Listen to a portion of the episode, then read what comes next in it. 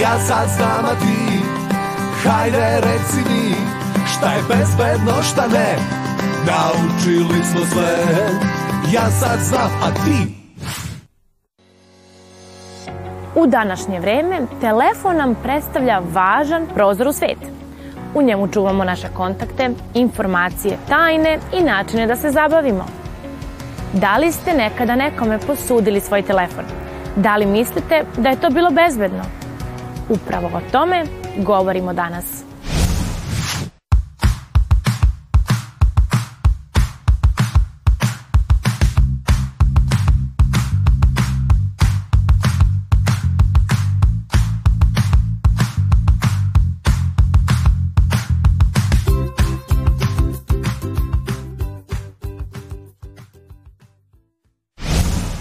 Zašto ne treba dru da drugima dajemo svoj telefon?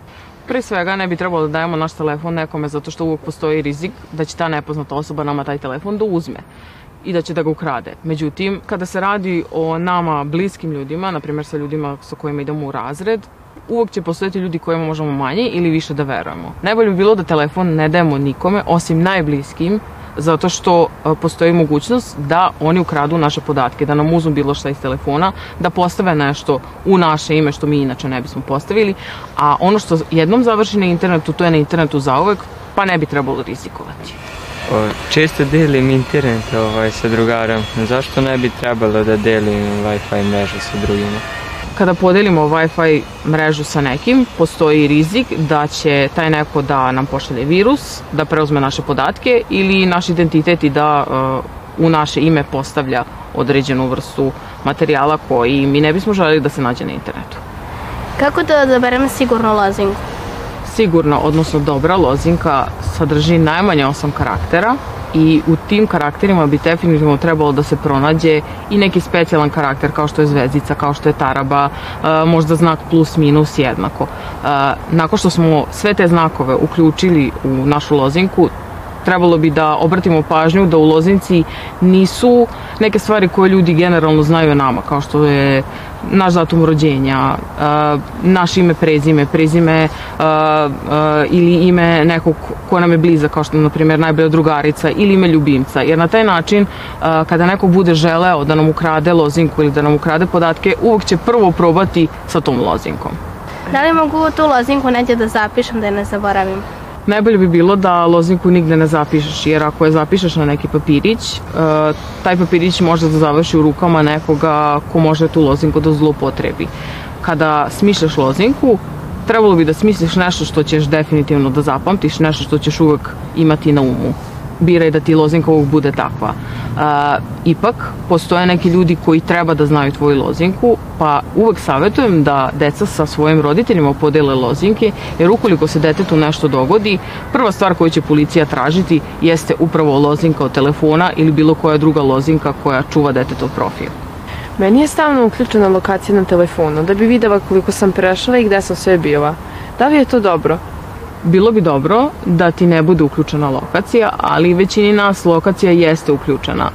Postoje načini da se naša bezbednost ugrozi samim tim što nam je lokacija podeljena, da svi mogu da je vide, ali ti rizici su mali. Onaj savet koji uglavnom ja dajem deci kada se radi o lokaciji jeste da se nikada ne tagujete negde kada se negde nalazite. Na taj način vi ugrožavate svoju bezbednost najviše. Dakle, kada se nalazite recimo u tržnom centru i vi se tagujete da se tamo nalazite, predatori mogu da pretraže tu lokaciju, vide koje dete trenutno na toj lokaciji i da na tu lokaciju odu. A, idealno je da kad dođete kući, tek onda postavite fotografiju, jeste onda na sigurnom i onda tagujete mesto na kojem ste bili. Zašto kažu da se upotreba telefona mora ograničiti?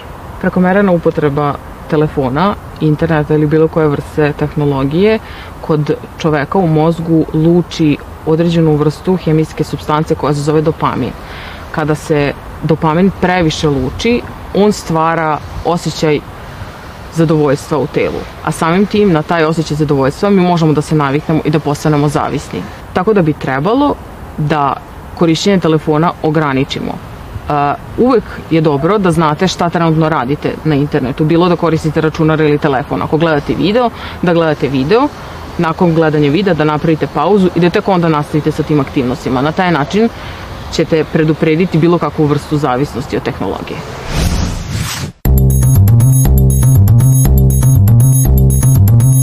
Telefon je postao neophodan deo naše svakodnevice za komunikaciju s porodicom i društvom, za hitne pozive. Digitalno smo opremljeni, omogućava da budemo kreativni, omogućava nam pristupimo informacijama i zabavi. Telefon je lična stvar.